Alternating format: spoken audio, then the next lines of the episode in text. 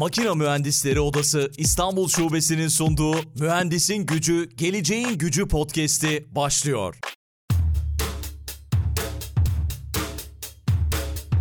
Mühendisin Gücü, Geleceğin Gücü podcast'inin yeni bölümünden herkese merhaba. Bu bölümde yine bir mühendisi konuk ediyoruz. Kendisi Loda Master'ın kurucusu.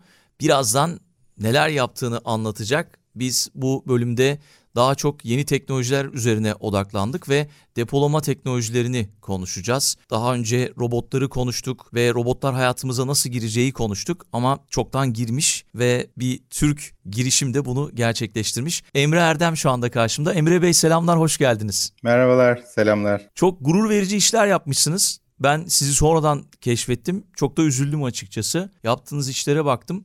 Çok çok güzel. Tebrik ediyorum. İlk başta tebrik etmiş olayım. Teşekkürler. Çok sağ olun. Biraz bizim de Türkiye içinde kendi öz eleştirimizi yaparsak kendi ayıbımız olabilir bu tabii. Yani bizi genelde Türkiye'de yabancı bir firma zannediyorlar. İsimden de dolayı biraz. Onun için hani Türkiye'de belki reklamımızı daha az yapmış olabiliriz. Evet, öz eleştiri yaparsak. Evet kesinlikle biz bu teknolojileri hep konuşuyoruz işte geldi, gelecek diye. Hep gelecek diye konuşuyor insanlar aslında. Ama aslında çoktan gelmiş bir de bir Türk firmasının olması beni ayrıca gururlandırdı açıkçası. O yüzden sağ olun, var olun. Teşekkürler, çok sağ olun. Girişte isterseniz biraz sizi tanıyalım. Hem son dönemde neler yapıyorsunuz ondan bahsedin isterseniz. Ondan sonra da depolarda kullanılan robotları, bu teknolojiyi ve bu teknolojinin nasıl iş gücüne verimlilik getirdiğini konuşacağız. Önce kendimden başlayayım. 2002 ODTÜ Endüstri Mühendisliği mezunuyum. Sonrasında Türkiye'nin en büyük şirketlerinde bir 10 senelik bir kariyerim var. Profesyonel kariyerim. Daha sonrasında Loda Master serüveni başladı. Önce 3 ODTÜ mühendisliğinden mezun arkadaşın kurduğu bir şirket olarak başladı. Daha sonra içimize iki ODTÜ mezunu daha kattık ve şu anda beş ODTÜ mezunun ortak olduğu bir şirketler grubuna dönüştü. İşte 13. senemizdeyiz ve yurt içi yurt dışı tam gaz devam ediyoruz. Yani Loda Master intralojistik dediğimiz sektörde üretimde nasıl robotlar, makineler varsa lojistikte aynı mantıkta bir yüksek teknolojili otomasyon sistemleri uygulaması yapıyor. Yani biz bundan yıllar önce bilim kurgu filmlerinde gördüğümüz işte fabrikalarda olan o robotlardan farklı olarak lojistikte karşımıza çıkmış olması gerçekten heyecan verici ve şeyle başlayabiliriz belki depolarda robotlar hangi alanlarda kullanılıyor? Siz hangi alanlarda iş yapıyorsunuz ve hangi görevleri yerine getiriyorlar? Belki şuradan başlamak lazım. Intralojistik dediğimiz sektör deponun içindeki otomasyon sistemleri aslında. Bu konveyör dediğimiz yürüyen bant diye de tabir edilir. En çok havalimanlarında bu bagajları aldığınız bant sistemleri halk tarafından bilinir. Bunlar birçok depoda bagaj yerine paket taşıyan sistemler aslında. Üretim hatlarında da vardır ve çok da yeni bir teknoloji değildir konveyör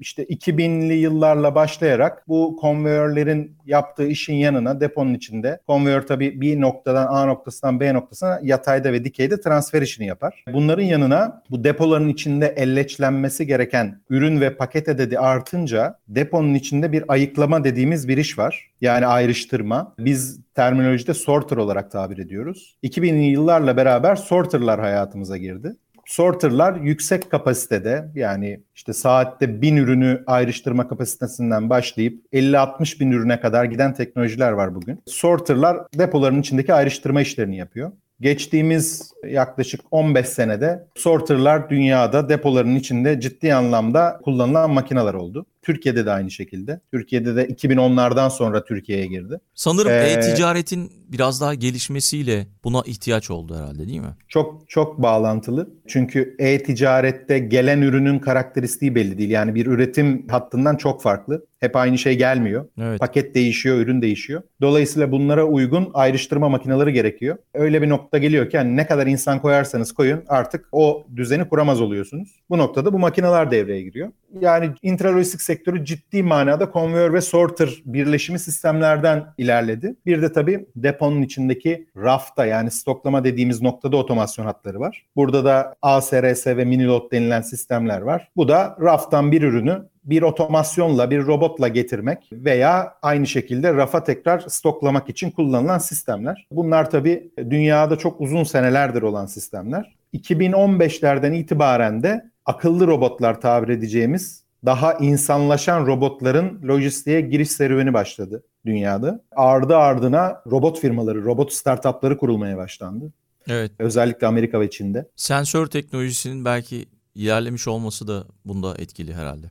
Doğru tabii. Yani Şimdi üretimdeki robotlara baktığınızda genelde rutin işler yapan, koordinatlar belli ve ürün karakteristiği de belli olan rutin işler yapan robotlar çok uzun senelerdir var zaten. Ancak deponun içindeki yapılan işte dediğim gibi ürün karakteristiği değişiyor ve depo ortamındaki hareket normal bir üretim ortamına göre çok daha fazla. Yani dinamik bir harita var aslında. Dinamik bir dünya var. İşte bir paleti şu anda önünüzde görürken 5 dakika sonra o paleti birisi alıyor oradan öbür tarafa götürüyor. Yani bir insan işte orada palet olduğunu görüp yanından geçerken robot eskiden ona çarpıyordu. Şimdi AI'ın iyice işin içine girmesi, bir de e, visual recognition dediğimiz hani görüntüleme teknolojilerin, image processing'in iyice dünyamıza girmesiyle robotlar akıllanmış oldu lojistik içinde de. Bu hızla beraber de bir anda biz dünyamızda Aa, insanlar yerine robotları görmeye başladık depo içinde. Ve hızlanarak da devam ediyor.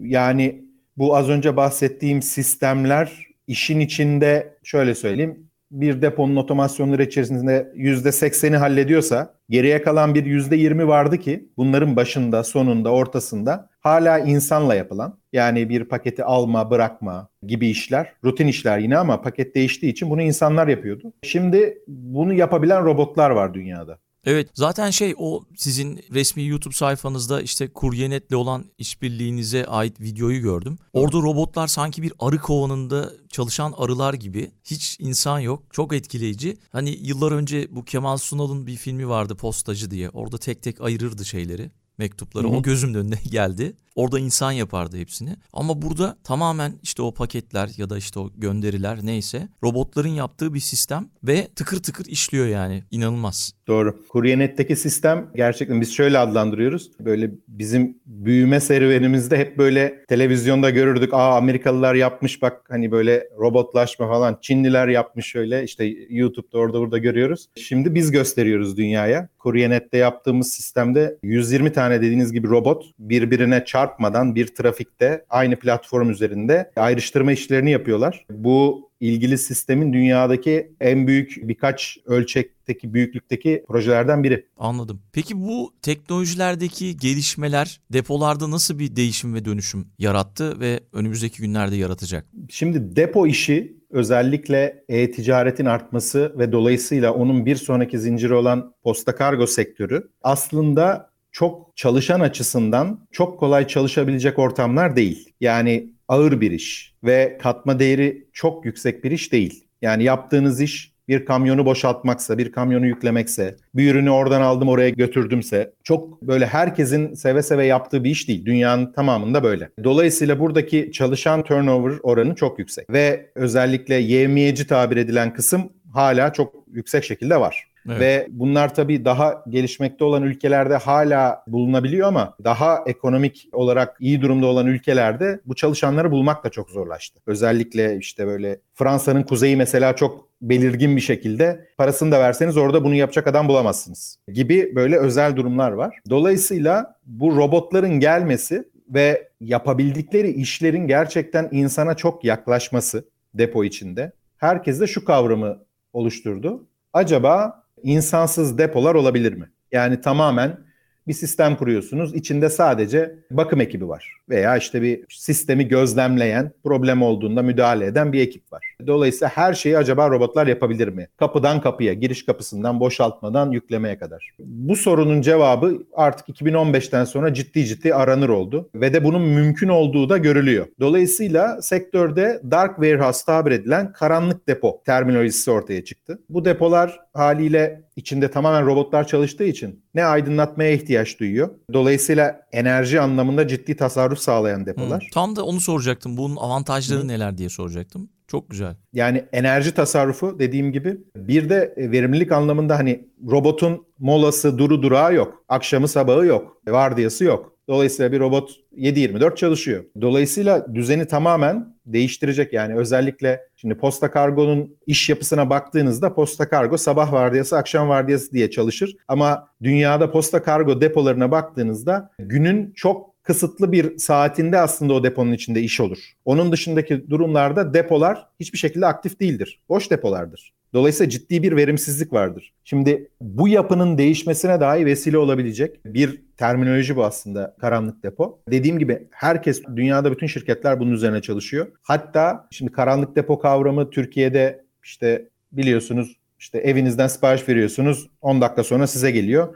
Bu nasıl oluyor? İşte alışveriş yapmadığınız aslında orada da karanlık depo tabir edilen de ufak süpermarketler var. O süpermarketlerde ama sizin adınıza e, ürünü getiren kurye alışveriş yapıyor veya oradaki çalışan alışveriş yapıyor. Şimdi tam tabir aynı ama bunun bir sonraki adımı da orada artık çalışan olmaması. Yani içerideki otomasyon sistemi tamamen siparişi hazırlayacak. Hatta bir sonraki adımı da belki görmüşsünüzdür. Sokakta o paketi sizin evinize getiren otonom şeyler var. AMR tabir ediyoruz. Mobil robotlar var. Yani evet. kaldırımda yürüyor. Bunun örneklerini tek tük görüyoruz. Dolayısıyla artık yani bir ürünü evden sipariş ettiğinizde size gelme döngüsünde belki de hiç insana ihtiyaç olmayacak belirli bir süre sonra. Bir de tabii o robotların tuttuğu işte istatistikler, veriler hani eskiden mesela en ufak bir markete gittiğimizde bir şey istediğimizde bir dakika bir depoya bakmam gerekiyor gibi bir şeyle karşılaşırız. Bir eczanede veya mesela o veriler o verileri de tutacak herhalde. Oradaki tabii, işte tabii. yani müthiş bir şey var orada anladığım kadarıyla. Aynen öyle. Yani data mining anlamında da karar verme datası anlamında da robot tabii insana göre çok avantajlı. Robotun yaptığı hareketi loglayabiliyorsunuz. Ürünü de üzerindeki barkoddan ve bazı sektörlerde RFID dediğimiz teknolojiyle bir ürünün nereden nereye hareket ettiğini de takip edebiliyorsunuz. Dolayısıyla tüm bu datayı analiz ettiğinizde artık stok yönetimi de çok daha kolay hale gelir. Buradaki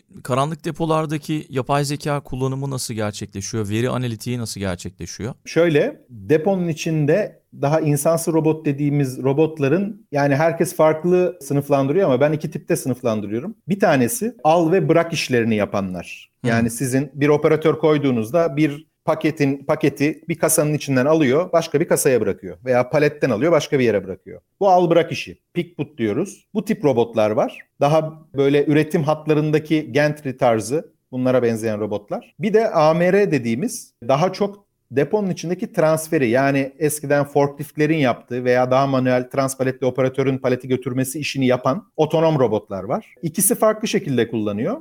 AMR'lerin genelde çalışma yöntemi bu LIDAR tabir edilen dinamik haritalandırma sistemi. Yani sonuçta o trafikte bir sürü robot, bir filo çalışacak ve birbirlerine çarpmamaları lazım. Sabit objelere çarpmamaları lazım. Hatta aynı depoda insanlar çalışıyorsa onlara da çarpmamaları lazım. Dolayısıyla dinamik bir haritalandırma gerekiyor. Bu dinamik haritalandırma için kullanılıyor. Bunun yanında deponun içinde siz bu filoya iş atıyorsunuz sonuçta. Yani bu işi sen yap diyorsunuz. Ve burada oradaki sipariş karakteristiği ve orada toplanılan istatistiğin AI ile analiz edilmesi bir süre sonra bu görev atamalarında optimizasyon sonucunu doğuruyor. Dolayısıyla buradaki data kullanılıyor. Pickput robotlarda ise az önce söylediğim gibi gelen ürün şöyle düşünün. Önünüze bir çuval ürün geliyor. Çuvalı boşaltıyorsunuz. İçinde her şekilde her tipte ürün var. E-ticarette, kargoda yaşanılan şey. Şimdi siz insan gözüyle baktığınızda hangi şekli ne şekilde tutmanız gerektiğine karar veriyorsunuz. Buradaki asıl robot için problem bu. Yani image processing ile hangi ürünü önce alayım, şekli nasıldır, bu şekil nasıl tutulur sorularının cevaplarını bulması gerekiyor. İşte burada AI'yı kullanıyor. Sürekli olarak o image processing ile database'ine o resimleri atarak o yapay zeka algoritmasıyla öğreniyor sürekli. E, Pickput robotlar da burada kullanıyor yapay zekayı. Peki şey mesela böyle depolarda gözümün önüne getiriyorum da böyle iskele diyeceğim ya da sistem makinesi mi diyeceğiz ona. 10 katlı 15 katlı. Orada mesela robotlar nasıl? Drone drone şeklinde robotlar mı? Üstte bir ürün var mesela. Şey raflardan, raflardan mı bahsediyoruz? Evet. Hı hı. O raflardan nasıl alıyor ürünleri alacak ya da? Şöyle şimdi az önce stoklama otomasyonu dediğim sistemlerde bu son teknoloji olan robotlardan önce çok uzun süredir kullanılan ASRS dediğimiz Automatic Storage and Retrieval System olarak tabir edilen işte palet stoklamışsınız. Gidip paleti çok yüksek bir depoda işte 30-35 metre diyelim yüksekliği dahi alabilen Forklift var mı var? Türkçesi winch aslında ha, winch. crane dediğimiz sistemler var. Bu çok yeni bir teknoloji değil bu arada. Yani bu zaten yapılıyor. Otomatik olarak paleti git getir hareket. Hı, anladım. Aynı şekilde bunun kasayı getir denilen tipleri var. Bunlara da mini load deniyor. Bu biraz daha yapay zeka gerektirmeyen sabit bir sistem zaten. Yani bir ray üzerinde winch hareket ediyor. Siz ona sadece adresi söylüyorsunuz. O koordinata göre gidip o ürünü çekip alıp getiriyor önünüze. Anladım ama şeyde yani gelişen teknolojilerde bu olmayacak herhalde. Sadece şu ürünü getir dediğinizde o bu kendisi gidip bulacak. Tabii ki şimdi bu durum şunu da etkiledi. Onu atlamayayım. Forklift sektörü çok lojistikte çok büyük bir sektör. Belki de en büyük tarafı. Forklift sektörü de artık tüm bu işte reach truck dediğimiz, forklift dediğimiz ve bilimum o ürün gamındaki bütün ürünlerin insansız hale getirilmesini sağladı şu anda. Dolayısıyla siz artık bir forklift operatörüne ihtiyaç duymadan forklifti rafa gönderip ürünü alıp getirebilir duruma geldiniz. Hı hı. Otonom e, Otonom forkliftler forkliftler var. oldu. Hı hı. Aynen öyle. Peki robotların depolarda kullanımının geleceği hakkında öngörüleriniz neler? Hangi yeni teknolojik gelişmeler bekliyor bizi? Veya sizin üzerine çalıştığınız inovasyonlar neler? Şimdi az önce bahsettiğim iki tip robotun yani biri AMR dediğimiz transfer tipi robotun ve pickboot dediğimiz robotun e, deponun içinde bir kamyonun yanaşması ondan sonra o kamyonun içindeki ürünlerin boşaltılmasıyla başlayan serüveninde birçok noktada kullanım olasılığı var. Yani şöyle düşünün o kamyonun boşaltılması lazım. Bu da bir al bırak işi aslında. Evet. Dolayısıyla iş oradan başlıyor.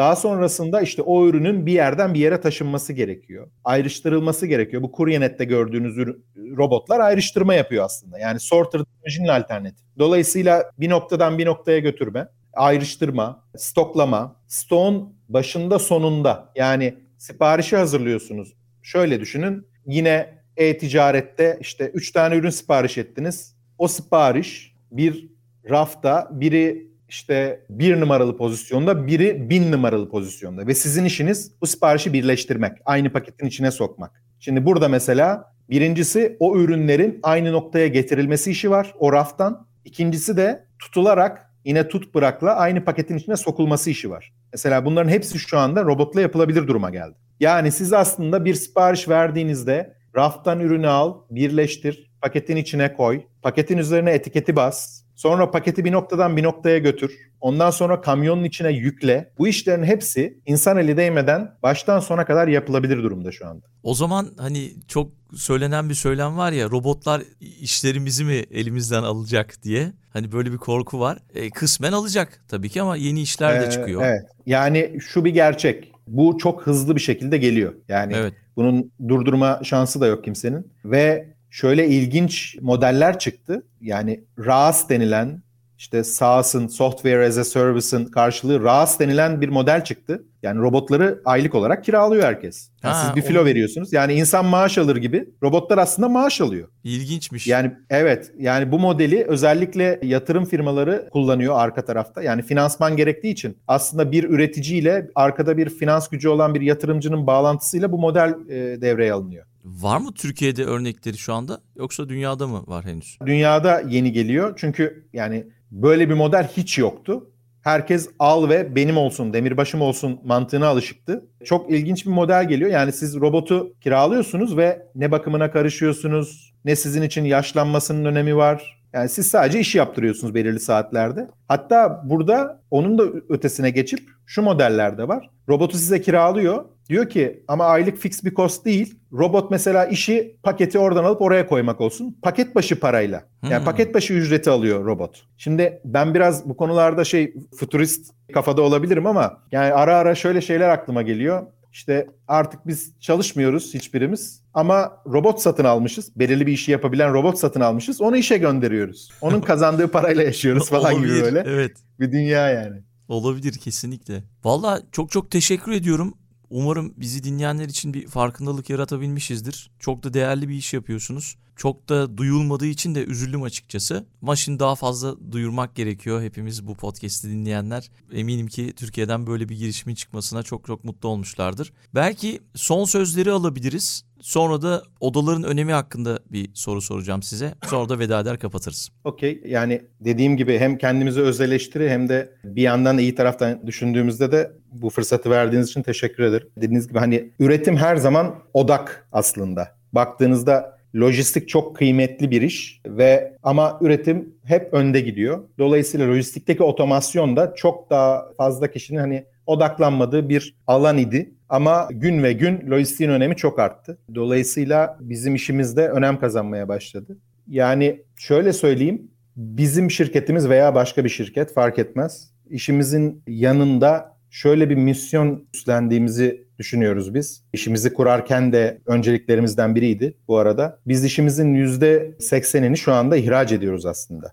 Yani Türkiye'de yaptığımız iş daha çok daha kısıtlı. Ve bunu dünyada yaklaşık 20-25 ülkeye yapıyoruz. Dolayısıyla bir misyonumuz da buradaki değerli beyinlerin birleşip bir ürün çıkarması ve bunu dünyaya satabilmek. Yani bu çok önemli bir misyon. Türkiye'de de biliyorsunuz zaten hani katma değerli üretim kavramı ne yazık ki hala çok eksik. Ve biz bu işin başlangıcından yani kendi stratejimizi de hep buna göre kurmuştuk. Bu misyonu da üstlendiğimizi düşünüyoruz. Kendi sektörümüzde ufak da olsa. Bu bizim için çok kıymetli. Yani buradaki beyinleri birleştirip bir şey yapabileceğini göstermek çok kıymetli bu şekilde. Çok çok teşekkür ediyorum. Belki son kapatmadan önce biliyorsunuz biz Makine Mühendisleri Odası İstanbul Şubesi'nin podcast'i Mühendisin Gücü Geleceğin Gücü podcast'iyiz. Herhangi bir topluluğa ya da odaya üye misiniz, bağınız var mı? Odaların önemi hakkında neler düşünüyorsunuz? Belki kapatırken bunu sorabilirim. Ben açıkçası üniversitede bu konuda bayağı aktif kişilerden biriydim. Özellikle Avrupa öğrencileri formunda çok aktif görev almıştım.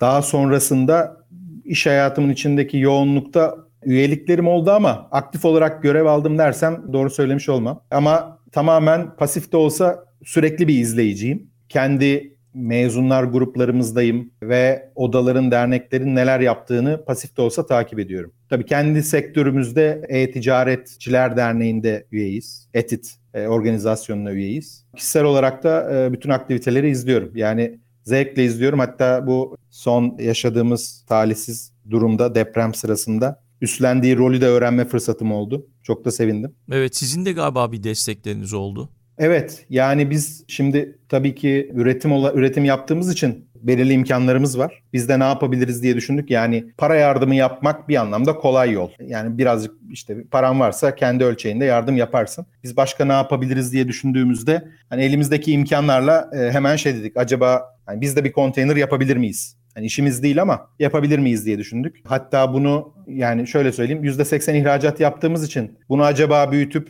işte her bir yeni siparişte ben kişisel olarak şöyle bir şey yapıyorum onu da söyleyeyim. Biliyorsunuz işte müşteriye bir şey satarken pazarlık yapıyorsunuz. Ben diyorum ki sen pazarlık yapma ben senin yerine bir tane konteyner yapıp bağışlayayım diyorum. Aa süper. Dolayısıyla biz de böyle e, işte kendi çapımızda bir tane konteyner yaptık. Yani odayla işbirliğiyle de sağ olsunlar onların koordinasyonuyla gönderebildik. Uygun yerlere ulaştı. Tabii keyif veriyor insana yani bir şeyler yapabilmek. İnşallah dahasında yapabiliriz. İnşallah. Peki çok teşekkür ediyorum Emre Bey katıldığınız için. Tekrar buluşmak ben, üzere. Ben teşekkür ederim bu fırsat verdiğiniz için. O zaman son sözü size bırakıyorum. Evet ve tabii ki mühendisin gücü, geleceğin gücü.